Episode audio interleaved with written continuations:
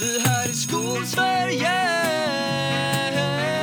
Podden som handlar om den svenska skolan Med Karin Berg och Jakob Mölstam.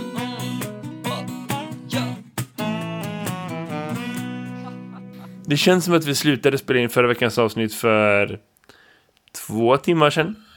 Det Ja. hade inte varit, ja men typ ett dygn sedan. Ja, men jag, jag har faktiskt, eh, ja, det, det, det, precis så känns det faktiskt. Det känns på ett sätt som att man släpar sig fram eh, liksom i någon slags gegga och bara, eh, och liksom ing, alla dagar ser likadana ut så man vet liksom inte vilken dag som är vilken. Men å andra sidan så är det ju redan fredag igen. Eh, så att på ett sätt så går ju tiden fort, fast ändå långsamt. Det är en bok va, som heter så. Alltså all min tid går fort. Jag, jag har ingen långsam tid alls. nej. Det känner inte jag överhuvudtaget. Alltså, Nej, men alltså att, att, alltså att, det, ja, ja, att det är lika. Fast din tid kanske inte är lika å andra sidan. Vi kanske har det Nej. olika. Men jag, Ja. tror jag tror verkligen att det är annorlunda. För att liksom... Eh, ja, men så här, för, såklart för att jag är på plats. Från Ja. eh, tidigt till sent. Måndag till fredag. Så. Jo, men precis. Eh, fast denna veckan ska jag säga så har jag varit på plats två dagar. Eh, och det har Oh. varit, ja, eh, första gången i tisdag som jag var på min skola sen eh, jul. Alltså sen innan jul. Eh, och det var ju spännande. Jag har en lärarstudent nu. Han gör sin sista termin. Han ska vara tio veckor och har då liksom får avsluta sin lärarutbildning på att gör, ha, ha VFU på distans. Det är ju en utmaning kan man ju säga. Eh, Jag kan tänka mig. Ja, eh, nu känner han, som tur var så träffade han eleverna i skolan i höstas. Så att han har ju den fördelen. Det kommer ju ett gäng nu, tror jag, från, från det långa, eh, långa lärarprogrammet. Eh, och, och de kommer ju nu och de har ju inte träffat eleverna innan, så de vet ju inte liksom de ska lära känna eleverna på distans. Men de eleverna... Det, det, det Lycka känns... till med det. Ja, eller hur? Alltså, herregud. Ja, De behöver inte ens försöka på riktigt. Nej, det tror jag inte. Men, men, men du har inte hört, för jag, jag så här, eh, men, men, men eh, min, min student då, han, han har ju träffat dem och han har en rätt, eh, eh, jag tycker ändå att det är inte, det, jag gillar det korta lärarprogrammet på det sättet att VFU-perioderna är långa, som gör att de eh, på gymnasiet får möjlighet att eh, liksom lära känna och man kan ge en, eh, alltså stora sjok som de, och så kan, är de ganska ämneskunniga, vilket gör att man, man ja, det blir lättare på något sätt att, att styra upp VFU så att det blir rimligt kan jag tycka. Eh, så han hade mina två ettor i höstas och han har dem nu. Eh, och tar vid där han slutade i princip. Jag har ju haft något moment emellan. Så. Eh, men vill du veta något mer? Eh, Och det har väl gått bra. Vi har liksom en plan och vi har, eh, vi har pratat jättemycket om det här att man har in, man, vi kräver inte kameran på och vi, eh, vi av den enkla anledningen att det är jobbigt för elever. Ja, vi har ju du vet gått igenom alla de här fallgroparna. Vi har inte massor, massor med eh, arbetsuppgifter eller skrivuppgifter utan vi försöker lösa det på olika sätt och vi är noga när det är examination och när det är lektion och allt, alla de där fallgroparna som vi har gått igenom har ju jag gått igenom med honom. Eh, men vill, då är det ju så att han ska ju bedömas på eh, att ha distansundervisning av en VFU-lärare då, eller de här universitets, vad de nu heter, LLU. Nej, det är ju jag, ja, vad de nu är. Eh, Men, eh, ha, så han ska bedömas eh, när han då håller en riktig lektion. Eh, så de ska då följa med i det här mitet och då, det får de ju betyg på. Och eh, det liksom då har vi ju hört från de andra studenterna att då kommer det från universitetet jätte sådär, det här ska du kräva och du ska, eh, alla, du, tar, du har makten i ditt klassrum och du kan bestämma om alla eleverna ska ha kameran på eller inte. Alltså så, så här noll ödmjukhet inför att Mm. de har inte gjort det här, någon av dem. Nej. Vi har Nej, gjort verkligen det i ett år. Eh, och den här studenten har gjort det här nu många fler gånger än vad du någonsin kommer behöva göra det, du som är då examinerande eh, lektor på universitetet. Eh, och jag känner någonstans i hela mig att det kryper i mig.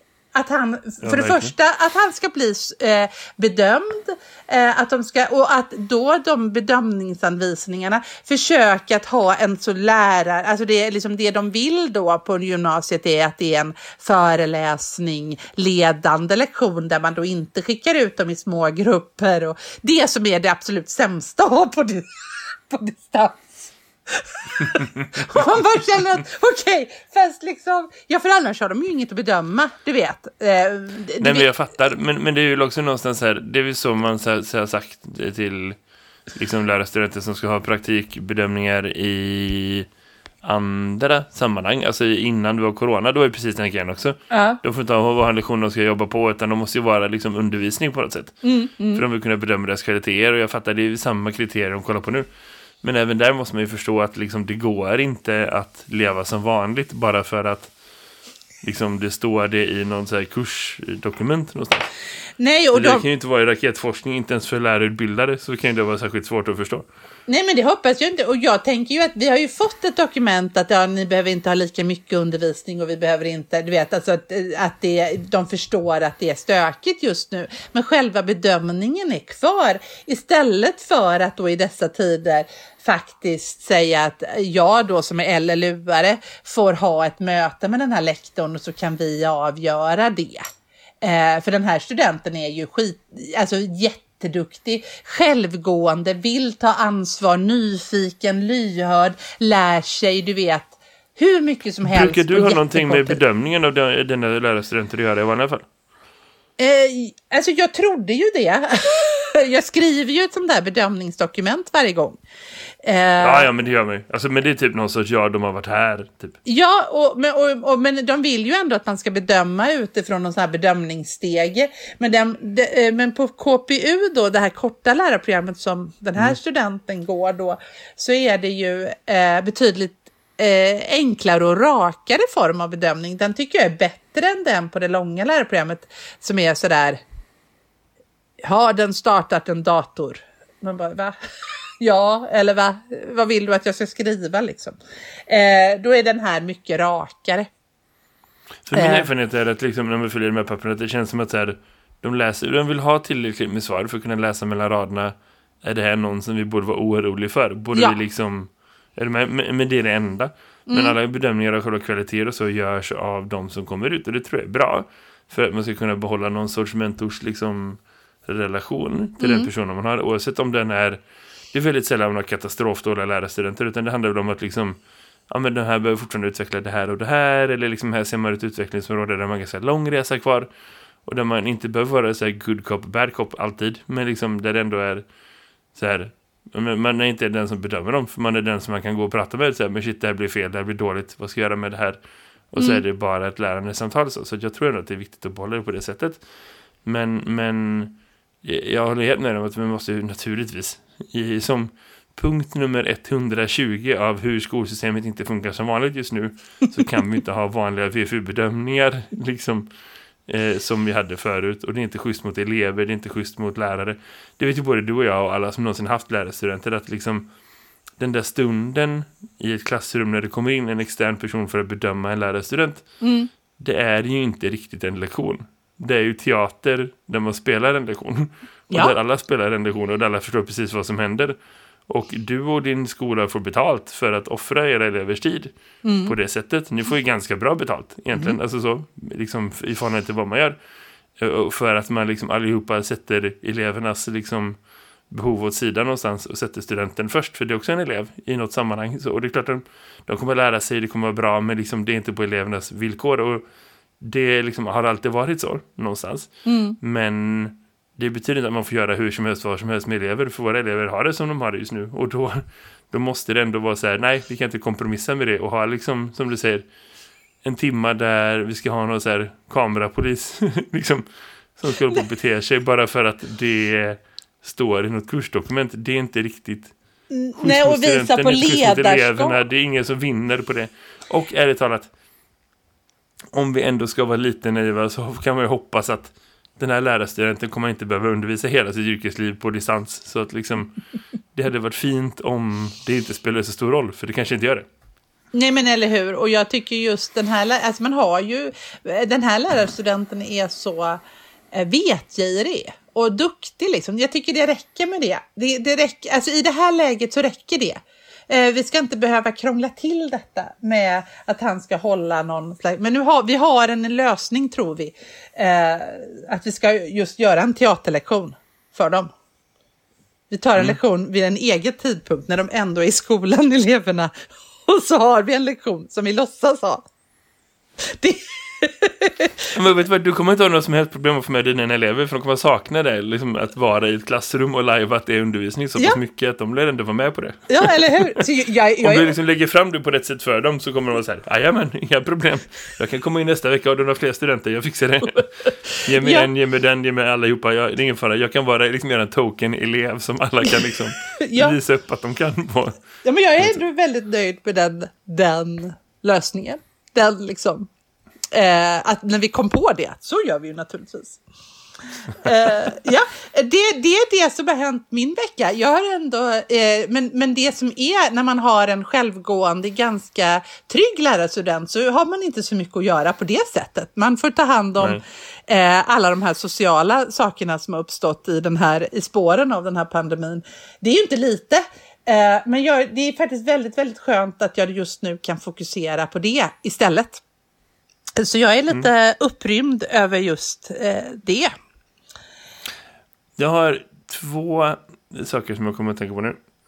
Det ena, jag vet inte vem det var som beställde den, men det var någon som beställde till våra skolbibliotek en bok med, den är vit och så är det röd-blå text och så är det en bild på Trump när han är skitarg. Och så står, så är det typ, boken heter så här, de dummaste grejerna som Donald Trump har sagt. Eller du vet, så här, berättelsen om den mest osannolika presidenten. Den heter något sånt där. Man bara, mm, behöver det här finnas som bok för unga människor? Jag vet inte. Nej, Men den finns och det är någon som har köpt in den och den är liksom så här stor bland eh, böcker som eleverna, vi har lite böcker det här och var de kan gå och hämta liksom när de ska läsa.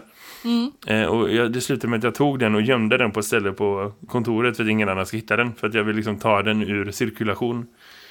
Eh, så. Och det, det, det som föranledde det var en konversation där jag gick i korridoren, eller vi har inga korridorer, men jag gick mellan liksom i den här ytan. Och så eh, var det en elev bredvid och så eh, fastnade den vid boken. Och så frågade den mig Jakob, vem var president innan Trump? Och då slog det mig att de är liksom är tio år gamla. De har inga minnen av medvetenhet, många av dem. Vissa kanske har dem, inte många. Eh, av att liksom det fanns en världsordning innan honom. just det. Känn efter på den perioden. De har, ja, har de haft någon annan eller har det liksom alltid varit han typ? Då kände jag så här, den här boken är ett gift för de här människorna, det ska inte vara här. Bort med den. Det här är ett namn som aldrig mer yttras, nu är vi liksom förbi den skiten. Och så ska vi ha liksom historia. Jag undervisar inte historia, men jag skiter lite i det. Vi måste komma in på det på ett eller annat sätt. För att, liksom, att man ser de senaste fyra åren av världen överhuvudtaget och inte förstår att det är en parentes utan har det som sitt normalläge. Var så här, va? Ja, Nej, eller va? ja men jag, jag förstår Eller det. ja, det har de ju haft. Ja, det är klart att de har, för att det, det är ju alltså fyra år av deras liv. Alltså de, då var de sex år när Obama avgick som president helt enkelt. Mm. Och då visste de ju inte att USA fanns, många av dem. Men en del kanske var medvetna om det, en del kanske sett bilder och så, det är väl väldigt olika liksom, vad man pratar om. Men, Ja. men man kan ju absolut inte beskylla någon för att vara liksom obildad. Om Nej, man är sex år gammal inte tänker på sånt. Så det, och väl framförallt inte om man är tio år gammal och har glömt vad som hände när man var sex år. Det är ju inte heller helt otippat. Nej. Eh, nej, men det, är väldigt, men det är faktiskt påminner mig om en sak som slog mig. Jag undervisar ju det här, för det, jag har en liknande sån historia. Du vet, jag undervisar i det här ämnet medier, samhälle och kommunikation. Just det. Det gör jag inte i år, men jag gör ju det eh, annars eh, varje år då. Har jag en kurs och det den ingår ju bara på eh, om du läser samhällsmedia, alltså inriktning, samhällsprogrammet med mediainriktning eller om de läser estetik och media. Så det är ju ganska få elever som läser den kursen, men den är ju ganska så spännande kan man ju säga. Eh, Om man eh, uttrycker sig milt i dessa tider. Eh, men då ingår det ju alltså att man har lite koll på sin mediahistoria och sin 1900-talshistoria. Eh, det bygger ju liksom lite på det och att man har liksom då koll på Sverige som land om man ska förstå våran media, mediakultur och historia och varför vi har det som vi har det. Och då har jag ju blivit varse eh, att eh, i många år, och det är några år sedan, men eh, det blev jag varse för några år sedan då när eh, Löfven var nytillträdd eh, pres, eh, president, statsminister. pressekreterare. Ja, han var nytillträdd, så det är ju några år sedan. Men då var det ju det här att de eleverna, när jag säger så här, Sverige har ju i princip alltid varit socialdemokratiskt.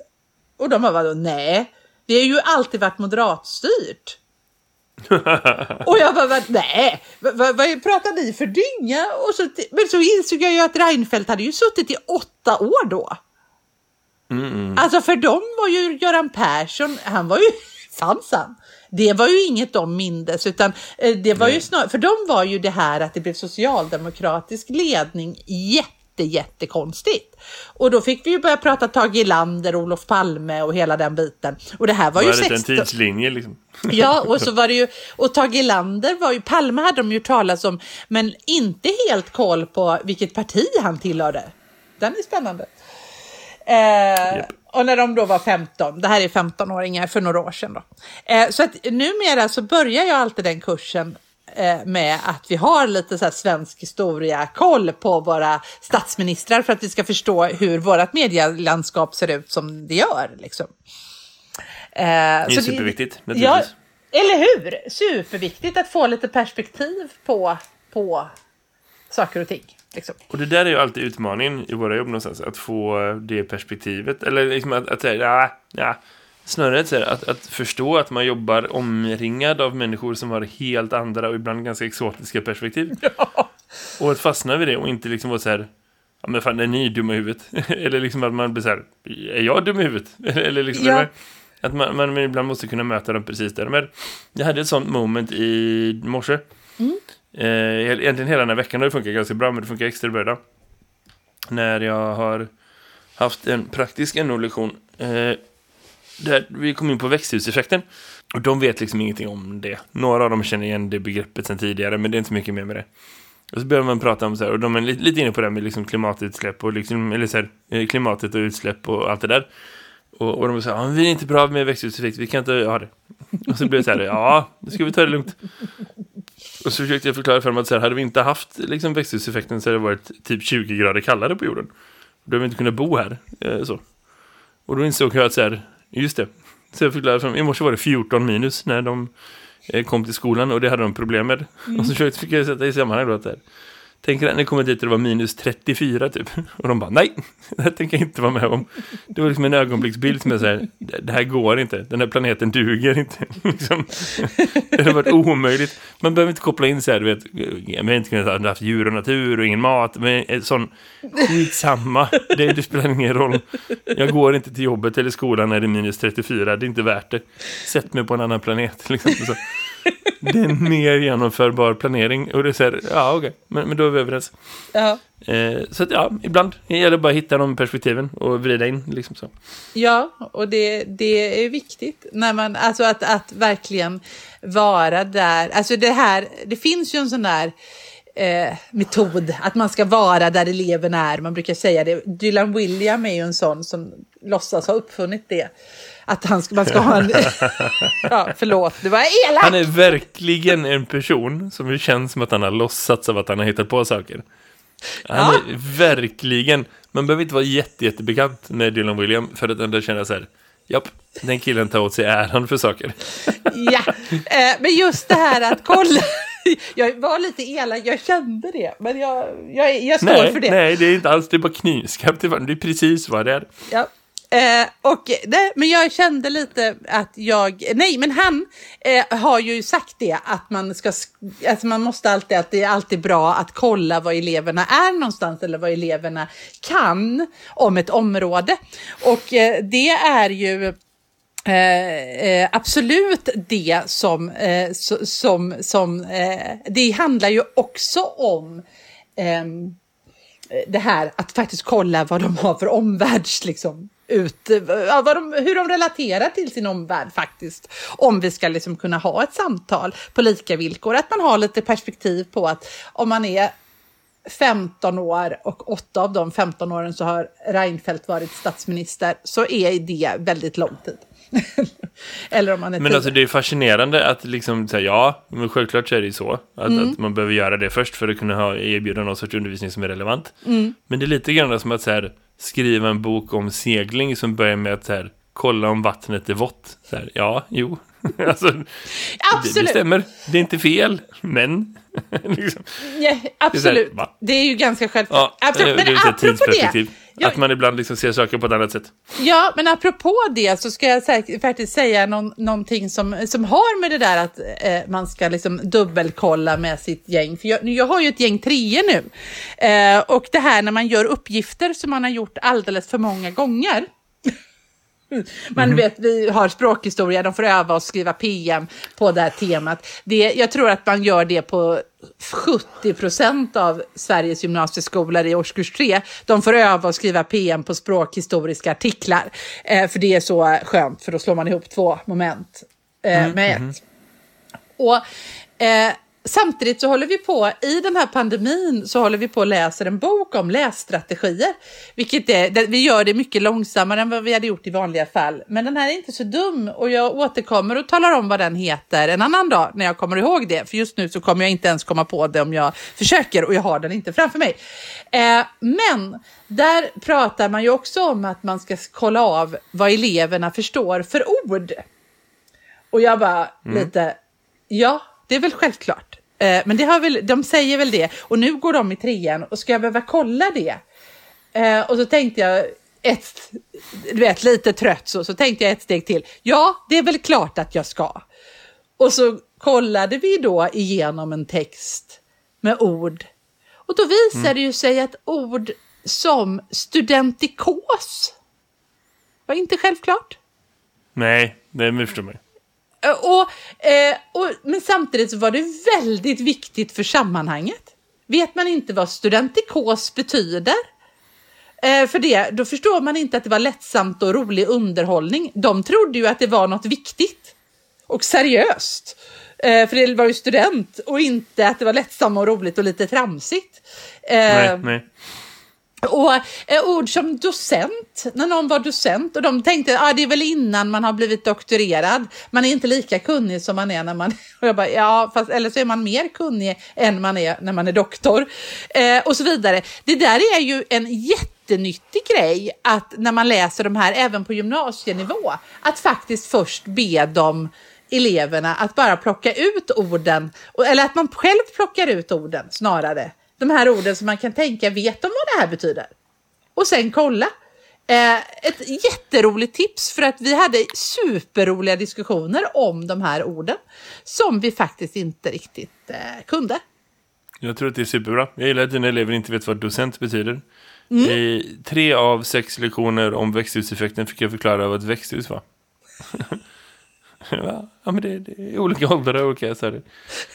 Det var ändå väldigt intressant. Vi hade jättebra diskussion om det med. Det var jag fann inte dåligt. Nej. Eh, jag tror att i, hos en del elever så var det det som landade. Mer än egentligen någonting annat. Men det är kul på något sätt. Du, jag har en annan fråga. Ja. Det, det kanske är på gränsen till sånt man kan inte, inte kan prata om. Men jag tänker ändå att det är värt att göra.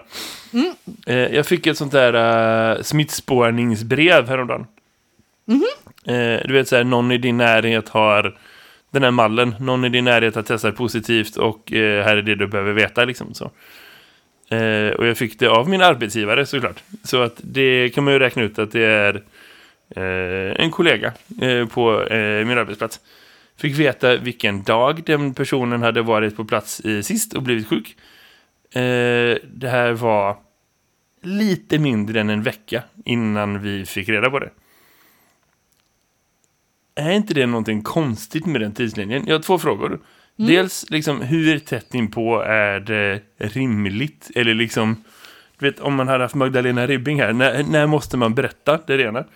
Och det andra är, jag förstår att man inte liksom per lag, måste, eller liksom enligt lag, måste eh, gå runt och berätta för varenda människa man träffar och så. Jag förstår att en, en arbetsgivare inte enligt lag får avslöja några namn. Men om du hade varit på en arbetsplats där du jobbade måndag till fredag varje dag på plats så är det, det är en ledande fråga så du får ta det för vad det är. Är det inte rimligt att man också då berättar för folk att jag har testat positivt för det här så att folk kan ju göra en bedömning kring liksom påverkar det mig eller gör det inte det? För men vissa kollegor träffar man oftare, vissa kollegor träffar man inte lika ofta. Eh, så. Jag tycker att... Vad har du på det? Jag har på det att jag tycker att just när det kommer till covid så är ju det verkligen inget stigma idag. Alltså folk har covid. Alltså det, det är ju inte så att man blir behandlad som pesten bara för att man har det. Eh, det är inte min upplevelse i alla fall eh, som har haft det. Eh, utan man, man blir snarare att folk, oj oj oj, och hur mår du? Eh, så. Jag var jätteöppen och jag var också väldigt noga med att tala om att jag inte hade smittat någon på mitt jobb. För det hade jag faktiskt inte. Jag hade inte smittat någon för jag fick ju det i mitt hem. Och, eh, och vi var i, hade tråkigt så vi hade suttit hemma. Eh, men däremot så undrar jag, jag förstod inte riktigt, hade den här personen fått veta det för en vecka sedan och det tog en vecka innan din eh, arbetsgivare sa det? Eller hade den... Nej, nej, nej, nej, nej, nej. Alltså det, det är den enda informationen man får och det är liksom Ja. en mall. Så det är Ja. inte vad det är. Så. Men det är så här, när har den personen varit på plats senast? När har man liksom träffats senast? Så. Ah, ja. Mm. Eh, så. Och eh, jag vet inte fakta, men jag, jag förutsätter att det som den var skicka ut en mall och att det skickas relativt ofta nu till olika elevgrupper dit och dit. Att det har liksom gjorts omgående. Är du med? Ja, Det är en fråga om, om timmar och på sin höjd. Liksom, så. ja. Och så är det Men, ju. och, jag undrar med den tidslinjen där bara, så här, är det... Det känns som att så här, jaha. är du med? Jag får inte den tidslinjen att hänga upp. Jag tänker så här, liksom... Jo, fast min pojk, han som fick eh, covid på nyårsafton, eh, det, då, då tog det ju en vecka innan vi fick tid att testa honom. Så han hann ju bli frisk innan han fick besked. Men jag tänker så här, om jag bara går till mig själv, och jag vet inte hur jag reagerat, för jag har inte varit i den situationen, för jag har Nej. inte haft eh, covid. Och som du säger, jag skriver under på det säger, det är ingen stigma överhuvudtaget. Jag ser, tänker inte annorlunda om en person som har det alls. Nej, Eh, så, men men liksom, hade jag haft symptom och varit så här, det här är så allvarligt att jag går hem nu, jag kommer inte komma till jobbet på ett par dagar, jag borde testa mig, då hade jag ju sett till att berätta det. ja gud Alltså, ja. för, för mina närmsta kollegor, absolut. Jag har inte haft något som helst problem om det spreds. Och jag hade liksom uppmuntrat min chef att sprida det om det är liksom folk som har varit liksom i min närhet eller som, som undrar direkt. Jag Ja. hade verkligen inte liksom så... För det känns någonstans som att, så här, att få veta det en vecka senare är... Alltså, jag har ju inte utsatt mig för större risk än så, för den personen har ju inte varit på plats, hoppas jag. Nej. Men liksom eh, hur jag sen kan ha, ha reagerat efter att jag liksom kan ha träffat den personen och blivit smittad i, i, i möten av andra personer, det är ju lite lurigt. Eh, jag tänker så här när det kommer till att, att det, det, alltså jag tycker ju på något sätt att det, det är ju lite som, som att jag kan vara väldigt kategorisk och tycka att man ska vaccinera sig annars så får man inte vara med mig och leka. Alltså jag kan ju känna så eh, väldigt men, men samtidigt så förstår jag ju någonstans rimligheten i att eh, människor är olika och de måste få bestämma själva, även om jag egentligen inte tycker det, fast jag tycker ju det. Förstår du? Eh, och på samma sätt så tycker jag egentligen att man borde i samhället ännu mera uppmuntra folk att våga prata om att nu går jag hem och testar mig för corona. Man kan inte tvinga folk att göra det, men vi borde liksom vara mer öppna och faktiskt också agera efter det. Att, för, att, så att, för då kan ju, då, för det, saken är ju den att det skulle ju kunna hindra smittspridning. Uh, och, men jag tycker inte riktigt att vi pratar så. Uh, jag har ju tagit ett test här nu eftersom jag inte blev frisk. Eh, Så tog de en- och då säger de nu ska du bete dig som om du är smittad, sa de då. Ja visst, men ingen annan skulle bete sig som om jag, alltså de som var runt omkring mig.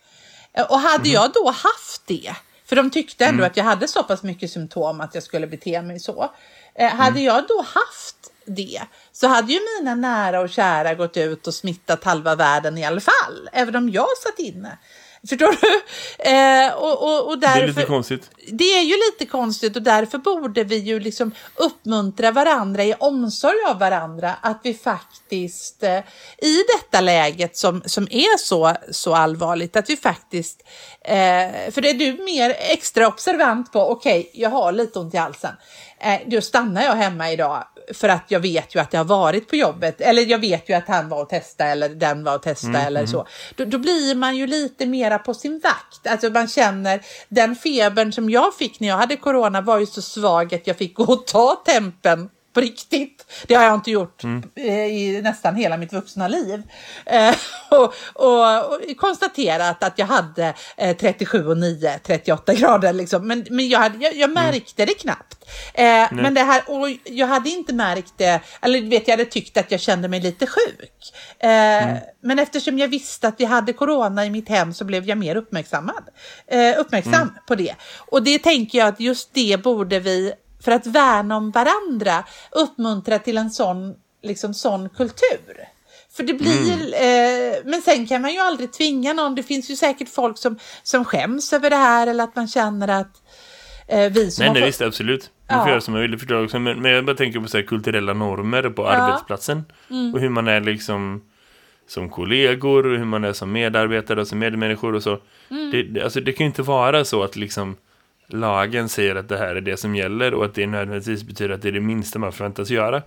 Mm. Det är ändå ganska många andra sociala sammanhang där man förväntas gå längre än vad lagen kräver. alltså för att vara en bra människa liksom. Eller så. Ja, ja men eller Eh, hur? Men liksom, ja, det är bara en fundering. Och som jag, jag tänker har med arbetsliv att göra på den vägen kanske liksom Mm. eh, kan tangera eh, en ett sånt här diskussion också. Det Mm. är inte så mycket med undervisning att göra, men det är ändå en grej som jag gått och funderat på. Ja, som jag tror... För, Ja, som jag tror eh, många går och funderar på. Eh, jag, tycker, alltså, jag, jag tycker vi på vårt jobb har varit väldigt, väldigt öppna. och pratar om det vitt, alltså du vet sådär, så att man, man har koll på vem det är och varför och sådär. Eh, men men eh, vi har inte heller haft så mycket utbrott faktiskt, för vi har ju varit hemma. nej, precis, nej, inte så mycket på det sättet så. Nej. Eh, så. Och, och vi försöker ju så gott vi kan att inte vara på plats hela tiden naturligtvis. Och alla möten är ju flyttade och så, men det är inte... Det är ju ändå att man ses liksom så. Gud ja. Och därför är det ju så viktigt att man... Jag tänker att det är en... Ja, Nej, men jag tänker också att det kan bli, eh, eh, här är det ju svårt. Jag tycker det här är svårt för att det, det är ju en, en, en, en tid i samhället, vi ser ju, alltså där, där man liksom, ja, det är osäkerhet kring det där. Det kanske finns de som, jag vet att jag slog mig, tanken slog mig när vi fick corona in i det här hemmet för andra gången då. Då kände jag mig inte jätteduktig på att hålla restriktioner kan jag inte påstå. Eh, Det kan vara en sån grej naturligtvis. Man blir ifrågasatt för, det jag tänkt på, men man blir ifrågasatt för liksom vad man har gjort för att följa och inte följa eller så. Ja. Är det så att alla vet om på arbetsplatsen att du har gjort det här och det här eller så. ja. Och sen så blir man sjuk direkt efter, det kan man inte skämmas för. Men jag tänker ändå att liksom, då får man svälja det. Mm. Jag har verkligen ingen aning eh, vad, vem det här är eller vad det handlar om. Jag, jag liksom inte så, utan bara, jag tänker väldigt, väldigt generellt. Mm. Att liksom, då får man ändå svälja det. För att tänka på sina medmänniskor någonstans. Ja, ja men det, det Eh, så. känns ändå som att det, det är den rimliga saken eh, att göra, faktiskt. Och i dessa, detta fall där vi har, när halva Sverige har det, så, så är, kan det ju inte vara en grej.